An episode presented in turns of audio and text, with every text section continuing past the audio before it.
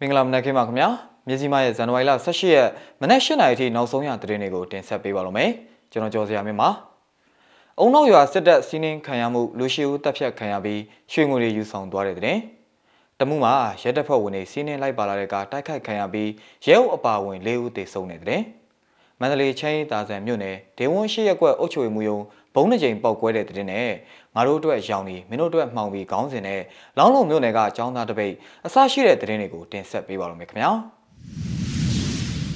ပထမဆုံးအနေနဲ့အုံနောက်ရွာစစ်တပ်စီးနှင်းခံရမှုလူရှိဦးတပ်ဖြတ်ခံရပြီးရွှေငွေယူဆောင်သွားတဲ့တဲ့ရင်ကိုတင်ဆက်ပေးပါမယ်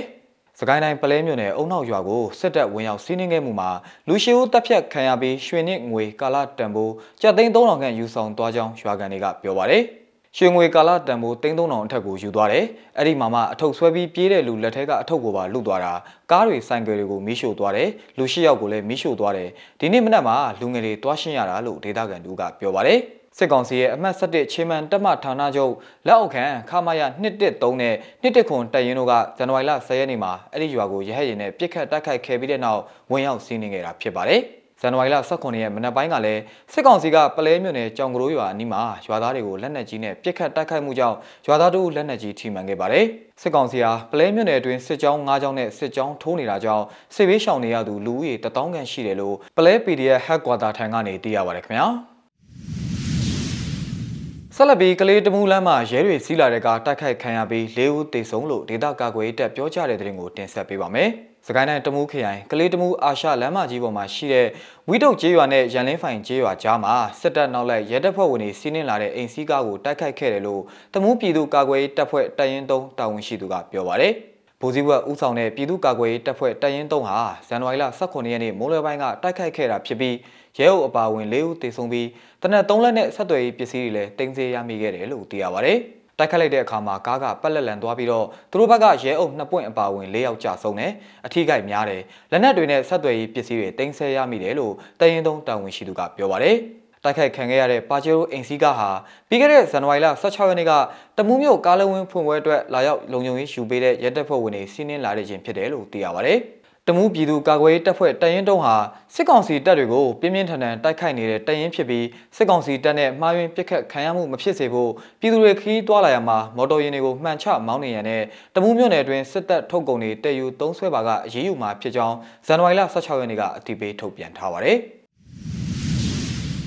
မန္တလေးချင်းတာဆန်မြို့နယ်ဒေဝွန်းအရှိရက်ကွက်အုပ်ချုပ်ရေးမှူးရုံးဘုံနှချိန်ကွဲတဲ့တဲ့တင်ကိုဆက်ပြီးတင်ဆက်ပေးပါမယ်။ မန္တလေးမြို့ချမ်းတာဆန်မြို့နယ်35လမ်း89လမ်းနဲ့လမ်း90ကြားမှာရှိတဲ့ဒေဝွန်အရှိရက်ကွက်အုပ်ချုပ်ရေးမှူးရုံးဟာဇန်နဝါရီလ18ရက်နေ့ညဦးပိုင်းကဘုံနှကြိမ်ပြစ်ခတ်တိုက်ခိုက်ခံခဲ့ရတယ်လို့အဆိုပါရုံးနီးတစ်ဝိုက်မှာနေထိုင်သူတို့ကပြောပါတယ်35လမ်းပေါ်ကဒေဝွန်ရက်ကွက်ရုံကိုဘုံနဲ့ထုသွားတာပါပထမတစ်လုံးလဲအတန်အကျယ်ကြီးပဲနောက်တစ်လုံးလဲအုံကနေနေတာပဲဒဏ်ရာရတာတွေရှိတယ်လို့သူကပြောပါတယ် အဆိုပါရုံးမှာစစ်ကောင်စီတပ်တွေတပ်ဆွဲထားတာဖြစ်ပြီးမနေ့ကည6:30မိနစ်ခန့်ကတစ်ကြိမ်နဲ့ခရိုနိုင်15မိနစ်ခန့်ကတစ်ကြိမ်စုစုပေါင်း2ကြိမ်တိုက်ခိုက်ခံလိုက်ရတာဖြစ်ပါတယ်။တိုက်ခိုက်မှုကိုမန္တလေးမြို့အခြေစိုက် Justice Mandalay People Defense Force GMPDF နဲ့ Phoenix အထူးပျောက်ကြားတပ်ဖွဲ့တို့ကပူးပေါင်းလှုပ်ဆောင်ခဲ့တာဖြစ်ကြောင်း GMPDF ကသတင်းထုတ်ပြန်ထားပါတယ်။ထုတ်ပြန်ချက်မှာဘုံပြစ်တိုက်ခိုက်မှုကြောင့်ရက်ကွက်ရုံအဆောင်စစ်သား၄ဦးသေဆုံးပြီး PDF တွေအထိကိမရှိပြန်လည်ဆုတ်ခွာနိုင်ခဲ့တယ်လို့သိရပါတယ်။ မန္တလေးမြို့မှာဇန်နဝါရီလ18ရက်နေ့မနက်ပိုင်းနဲ့နေ့လယ်ပိုင်းတွေကလည်းပြည်ကြီးတကုံမြို့နယ်စလင်ရက်ကွက်အုပ်ချုပ်ရေးမှူးရုံးနဲ့